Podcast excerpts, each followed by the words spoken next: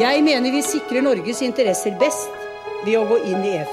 L'Europe ne se fera pas d'un coup, ni dans une construction d'ensemble. Das beste Mittel, um eine Politik zu treiben, die sich auf Vertrauen und Dette er ikke noe vanlig samarbeid mellom selvstendige nasjoner. Dette er en sterk og dyp integrasjon. No, no.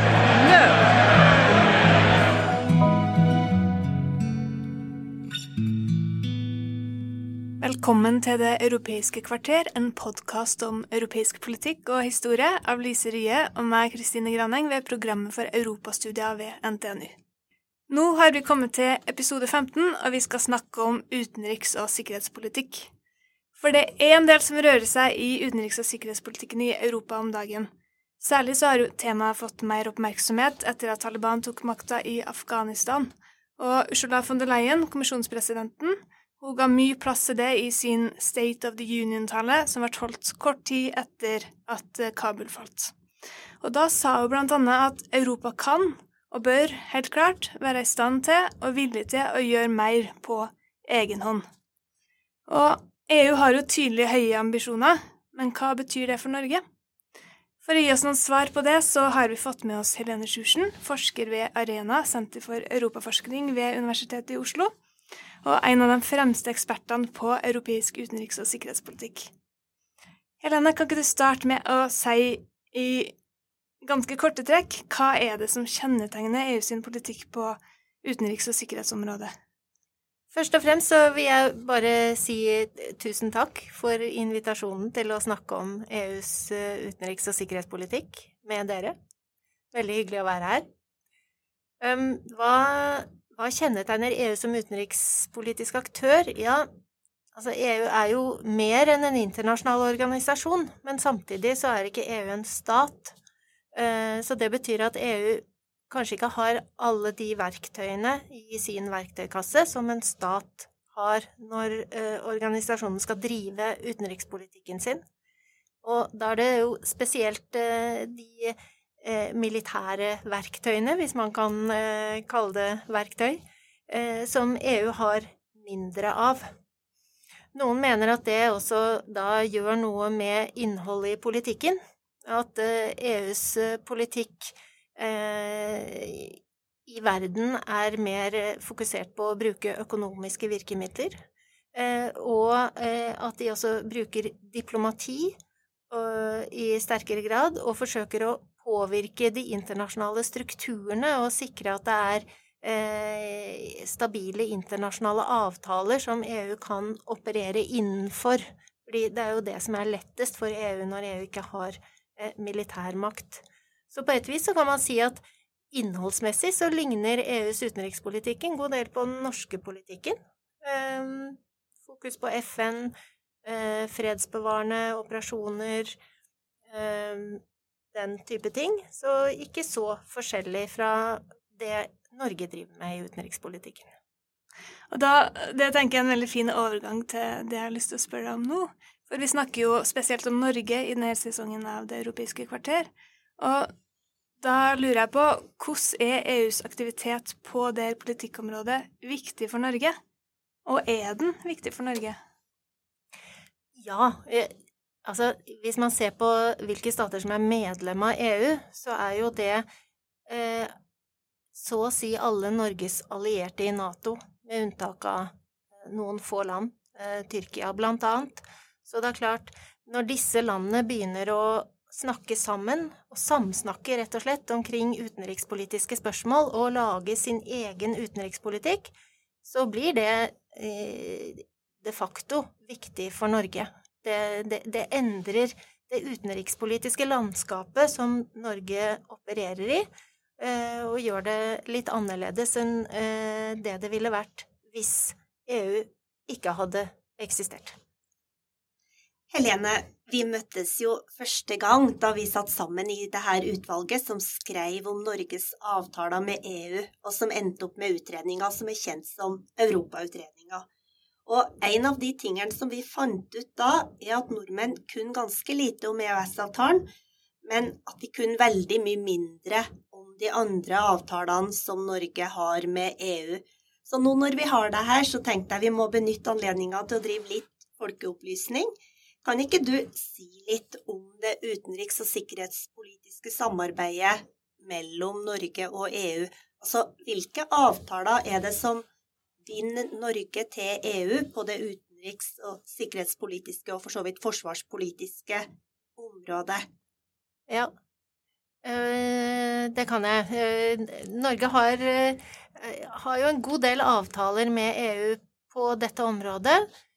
Men jeg vil si at det er avtaler som, som ikke egentlig binder Norge, formelt sett i hvert fall. Det er avtaler som, som har en annen karakter enn EØS-avtalen, hvor, hvor, man jo er bundet til å inkorporere Eh, lovgivning på det indre markedet i norsk lov. Sånn, sånn, er det ikke i utenriks- og sikkerhetspolitikken, så disse avtalene er ganske annerledes. Men, men, det er en god del av dem allikevel, så det betyr at Norges samarbeid med EU på dette området er, er ganske omfattende. Og, eh, men det, det, det, er noe Norge selv, norske myndigheter selv velger, eh, velger å gjøre fra, fra, fra gang til gang, fra sak til sak. Så da har man f.eks. en rammeavtale med EU når det gjelder eh, å delta i EUs krisehåndteringsoppgaver. Det er en viktig del, og der er Norge det landet uten, som ikke er medlem av EU, som har deltatt i flest av EUs krisehåndteringsoppgaver. Hva f.eks. med eh, på, på uh, Operasjon Atalanta i, uh, utenfor kysten av Somalia, som da handlet om om å håndtere piratvirksomhet uh, der. Så knytter Norge seg også veldig ofte til EUs sanksjoner, når EU innfører sanksjoner. Vi så det f.eks. For i forhold til eh, Ukraina-krisen og invasjonen av Krim, at Norge da sluttet seg til det sanksjonsregimet som, som, som EU innførte på den tiden, og er fremdeles en del av det. Hvorfor har det blitt sånn? Hvorfor har Norge valgt å samarbeide så tett med EU på dette området, vil du si?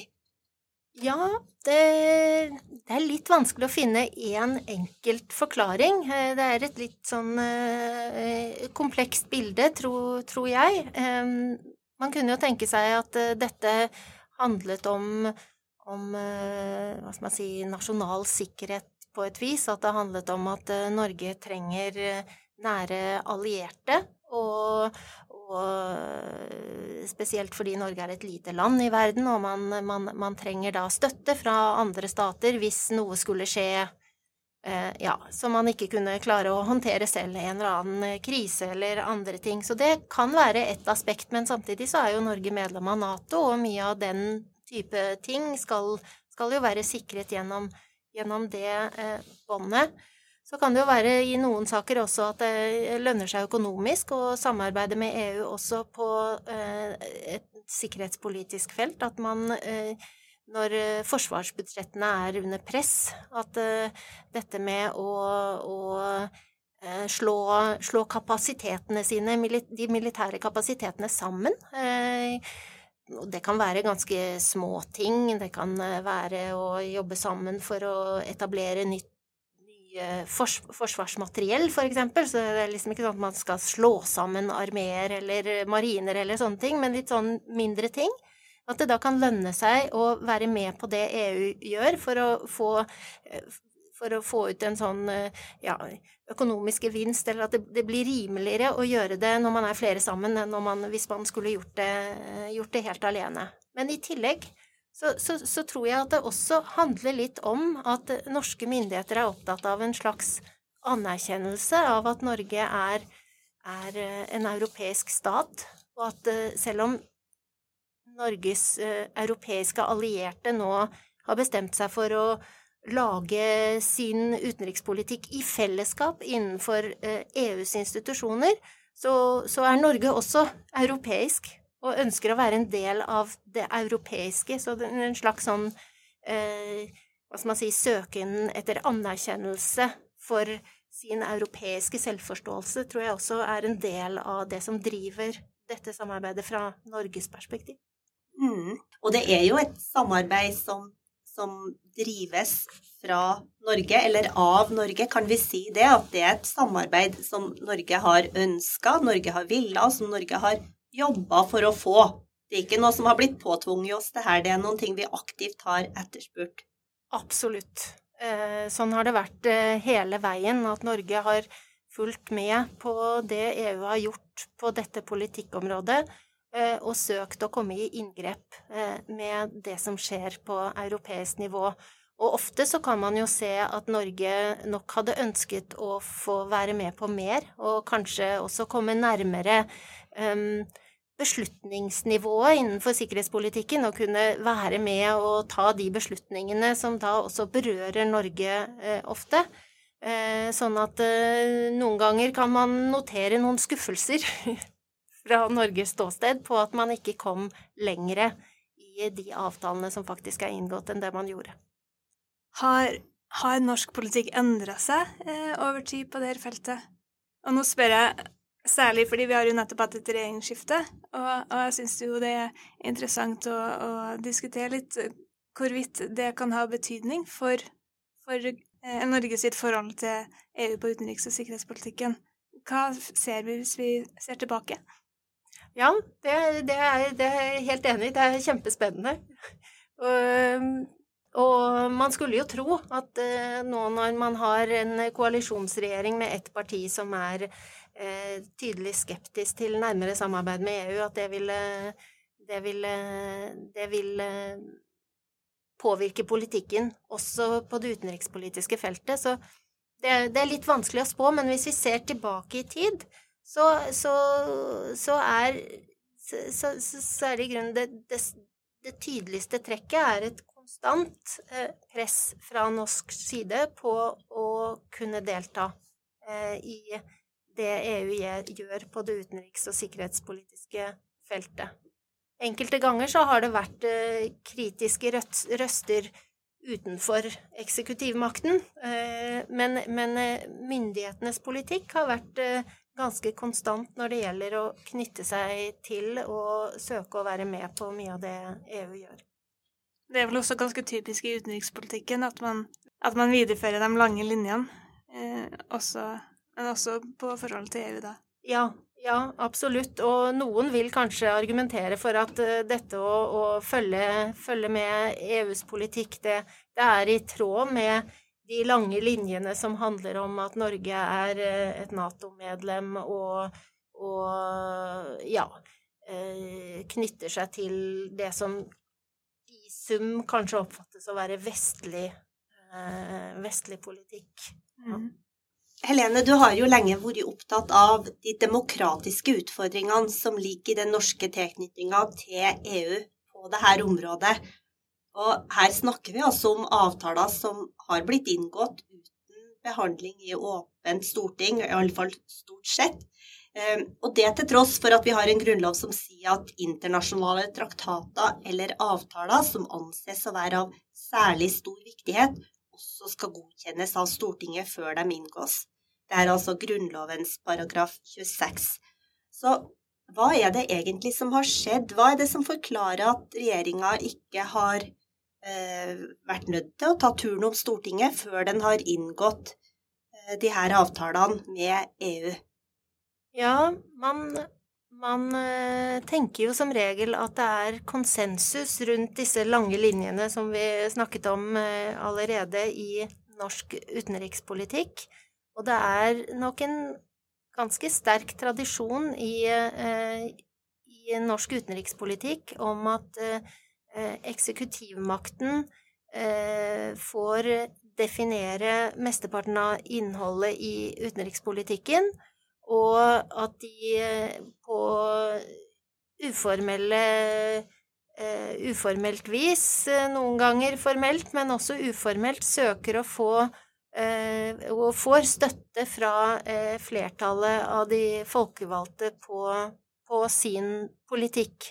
Så, så, sånn sett så, så, er det jo kanskje generelt eh, mindre eh, debatt om norsk utenrikspolitikk og hva som skal være liksom, de viktigste veivalgene eh, enn det det kan være i, i, i noen andre land. Og Stortinget har en mer begrenset rolle enn det det danske folketinget har, for eksempel, når det gjelder å diskutere utenrikspolitikken. Så det, så det er en slags tradisjon der på å, å overlate dette til, til eksekutivmakten, og, det oppfattes vel som en bra ting ofte, at det er konsensus, sier man, um, om uh, hva som skal gjøres. Det er bra for et lite, spesielt et lite land, at man, man står samlet rundt en, en felles utenrikspolitikk.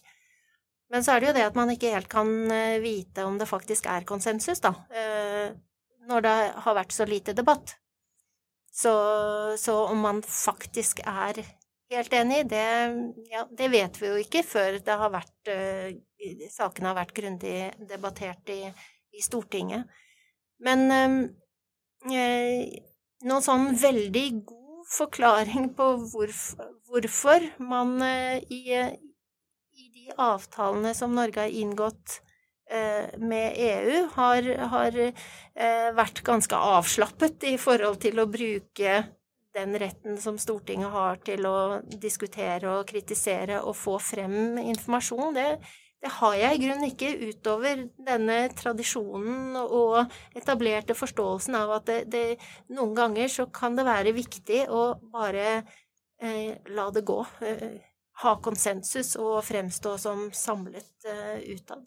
Ja, jeg forstår. Men en av konsekvensene av en sånn praksis, er, det er allikevel at det blir mindre kunnskap, og at vi som befolkning får mindre informasjon om samarbeidet med EU på dette området enn hva vi ville ha fått hvis uh, de her avtalene hadde vært gjenstand for grundigere behandling i Stortinget. Ja, ja. Eh, det, er jo ofte gjennom den informasjonen som graves opp når en sak behandles eh, grundig i Stortinget, at eh, det er da man får en forståelse av hva det handler om, hva det står om, hva som står på spill, osv. Og, og det Den anledningen blir, blir som du sier, den, den, den blir svekket når, når, det ikke er så grundig gått igjennom på Stortinget. Så det er noe med disse avtalene om at de går litt sånn under radaren på, på, på offentligheten, og, og, det er jo ofte viktige ting som man eh, kanskje burde ha snakket mer om og diskutert eh, grundigere, og kanskje man kunne ta den sjansen eh, hvis eh, eksekutivmakten mener at det er en eh, risiko man tar hvis man åpner opp en sånn eh, større debatt.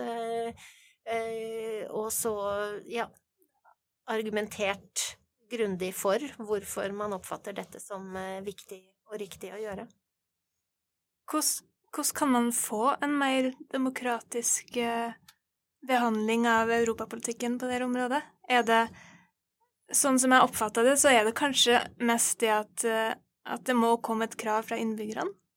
Det er vanskelig at, å se at det skal skje noe på Stortinget og, og i regjeringsapparatet her, er det ikke? Det er en del hindringer som ligger der. Ja, men samtidig så er, det jo Ansvaret ligger jo i Stortinget, så, så det, det, er jo også i veldig stor grad opp til eh, stortingspolitikerne å bruke den innflytelsen de har, hvis de ønsker å få mer informasjon og eh, diskusjon om, eh, om eh, denne type saker. Og det kunne man jo eh, gjøre selv om man eh, mente at det var en eh, god ting, eh, ikke sant? Altså dette er jo noe som er viktig prinsipielt, eh, og at det er kunnskap og åpenhet om eh, slike ting. Det trenger ikke å være liksom viktig å ta debatten fordi politikken nødvendigvis går i feil retning, men som et prinsipp så er det viktig å ha åpenhet og, og Eh, og en åpen diskusjon som, som, skaper et godt kunnskapsgrunnlag eh, for politikken, som er kjent for flest mulig. Så ja. Det kunne de gjøre. Absolutt. Kan, kan, vi holde fast litt på det her med kunnskap? For jeg lurer litt på hvordan det henger sammen. Er det sånn at samarbeidet med EU på dette området får lite oppmerksomhet i media fordi politikerne gir det lite oppmerksomhet? Eller kan det holdes utafor Stortinget fordi det er et område eller et samarbeid som nettopp får lite oppmerksomhet i media? Mm. Ja, det er litt sånn uh, Høna og egget. Høna og egget, ja. Hva kommer først? Det, uh, det er ikke så lett å si, men uh, hvis man tenker ikke bare på utenrikspolitikken, men, men på EU generelt, kan jo, vi kan vel kanskje være enige om at det er ganske lite diskusjon om EU generelt også i, i offentligheten, så er det vel kanskje sånn at for å få mediene til å, å, å, skrive om noe og vie ting oppmerksomhet, så, så, er de avhengig av at eh, noen av de som sitter med politisk makt, gjør, gjør saken til en sak. Setter den på den politiske dagsorden. Eh, jeg tror at det, det er en viktig faktor, selv om i prinsippet så kan jo eh, mediene og pressen skrive om hva de vil. Men de må jo få noen i tale som, som kan ta beslutninger om disse sakene. Og hvis de ikke klarer det, da, da Ja, da blir det jo ikke noe diskusjon, egentlig. Da svinner det fort hen med at det er liksom en, en enkelt artikkel eller en enkelt debatt, men heller enn en sånn kontinuerlig offentlig samtale om europeiske spørsmål. Mm. Jeg tenker at vi, vi, skal prøve å runde av litt, men jeg vet ikke om, om det spørsmålet kanskje egentlig åpner mer enn det runder av. Men, men, det har jo med det her med, med diskusjonen å gjøre. For som jeg starta med innledningsvis, så er det jo en del som skjer i Europa på dette området. Eh, og hvilke muligheter og hvilke utfordringer ser du eh, for utenriks- og sikkerhetspolitikken i Europa og Norge sitt forhold til det framover? Hva er det vi bør diskutere? og og bli informert om, egentlig? Mm, ja. Eh, muligheter og utfordringer for EU fremover tror jeg har å gjøre litt med det vi snakket om i begynnelsen, med hva slags utenrikspolitisk aktør EU er, eh, og hva EU kan gjøre globalt. Altså Noe som er liksom en av de store tendensene i internasjonal politikk nå, det er jo det at man, man, man snakker om at eh, Eh, det går mer i retning av eh, stormaktskonflikter. At eh, multilateralt samarbeid blir vanskeligere. Internasjonale organisasjoners innflytelse og makt blir kanskje mer svekket enn det de var si, i perioden etter slutten på den kalde krigen, hvor du hadde en slags sånn optimisme om at nå er det multilateralismens tidsalder, ikke sant? Um, og det tror jeg eh, stiller EU foran noen utfordringer, fordi eh, hvis vi tenker historisk, det gjør jo du, Lise, så vokste jo EUs utenrikspolitikk, den vokste frem i en internasjonal sammenheng hvor, hvor det var eh, ganske mye større enighet om at multilateralisme, det var veien, veien videre for det internasjonale samfunn at man skulle styrke eh, multilateralt samarbeid, styrke internasjonal rett eh, osv. Eh, det, det, det, var en slags eh, forståelse av at det, det, var viktig og riktig, og det var i en sånn sammenheng at det var mulig for EU å sette, bli, bli en viktig aktør. Det handlet ikke så mye om militær makt. Og nå kan det se ut som om pendelen svinger litt tilbake, og at eh, militærmakt vokser frem som en, som en eh, eh, viktigere faktor i, i eh, internasjonal sammenheng. Det er en utfordring for EU som EU må håndtere på et eller annet vis. Eh, og eh, det vil da også ha en sånn Hva skal man si De valgene EU tar på disse spørsmålene vil jo da også ha effekt for Norge. Altså et EU som, som, som styrker sitt sikkerhetspolitiske samarbeid enda mer, eh, vil jo eh, da sette Norge i en kanskje enda større skvis enn det Norge har opplevd å være hittil.